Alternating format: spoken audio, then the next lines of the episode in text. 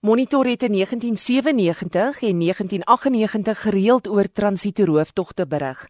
In daardie tydperk het die rowers spykers in metaalkettinge gesit en dit oor die pad gegooi sodat die verbygaande voertuie se bande kon bars. Sodoende het hulle die voertuie letterlik in hulle spore gestuit. Die rowers het ook petrol gebruik om die voertuie aan die brand te steek, so kon hulle vinnig by die kontant binne die voertuie uitkom. Hulle het ook in sekere gevalle hoekslypers gebruik om die voertuie binne te dring. Intussen wil almal nog steeds weet presies hoeveel geld word gesteel. Wie is die rowers en hoe pas hulle hulle modus operandi aan om gedurig die polisie te vnyk? Die owerhede is nog altyd huiwerig om te sê hoeveel geld in hierdie transitoroofdogte gesteel word. Hulle is bang as dit bekend word hoe groot hierdie bedrag is, sal dit ander in die versoeking lei om self transitorowers te word. Maar 'n ondersoekende joernalis by News24, Kyle Cowan, het onlangs 'n aansoek ingedien om openbare toegang te kry tot die valke se inligting oor hoeveel geld gebuit word. Die oorspronklike aansoek was gemaak op die 4de Julie dit was gevolg van verskeie redes. As 'n mens nie 'n waarde op iets kan sit nie, is dit baie moeilik om die publiek te oortuig dat hulle moet omgee oor iets, veral hierdie rooftogte wat ons polisiedienste sukkel om te veg.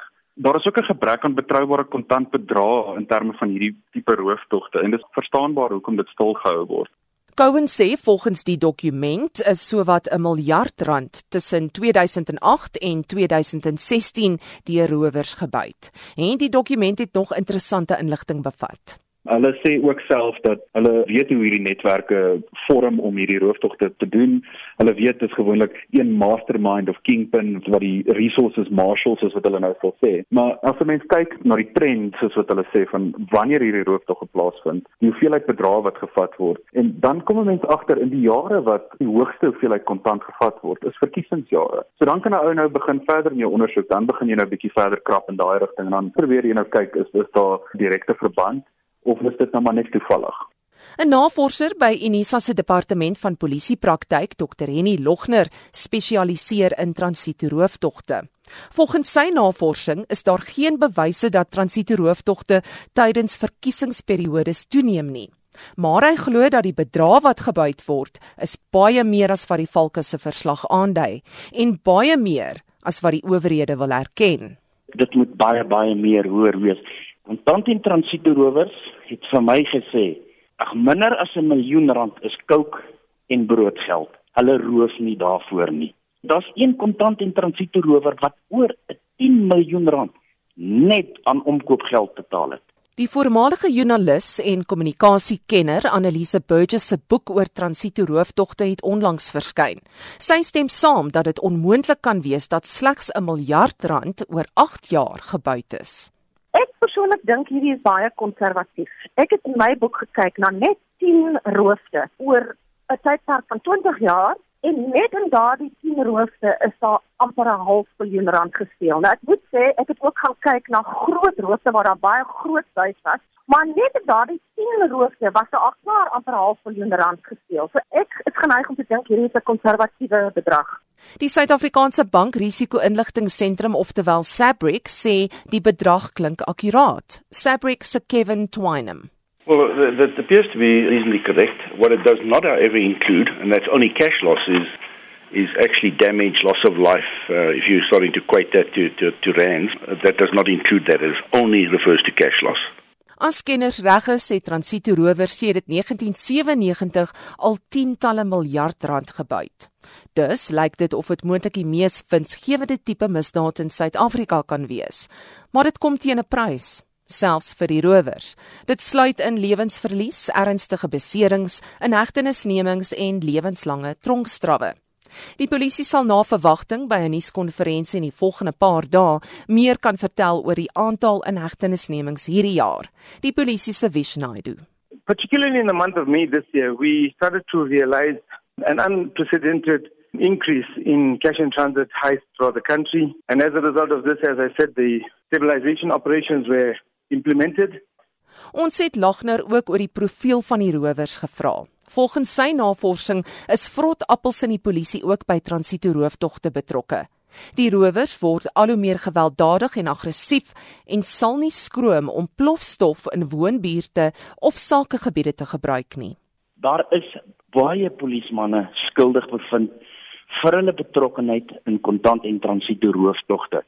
Jy kan met sekerheid aanneem dat wanneer 'n kontant en transito rooftog gepleeg is, daar 'n persoon van die kriminele regstelsel betrokke sal wees en in 90% van die gevalle polisiebeamptes. Hoewel daar baie hieroor bespiegel word, sê Logner daar is geen bewyse dat die transito rowers militêre opleiding of ervaring het nie. Hy sê die rowers beweeg bloot net deur die kriminele range. Hulle begin met klein soorte misdade, dan steel hulle motors, dan kaap hulle motors. Later beroof hulle banke en uiteindelik word hulle transito rowers. Naidu sê die polisie wil nie te veel hieroor uitbrei nie. We've identified the different backgrounds that they come from, how that those backgrounds can benefit their endeavors or their efforts to commit their robberies and disclosing that is going to defeat the object of us creating or having an understanding of those backgrounds. Naidu sê wel dat die polisie bekommerd is oor hoe die rowers se modus operandi onlangs verander het en met meer aggressief gepaard gaan.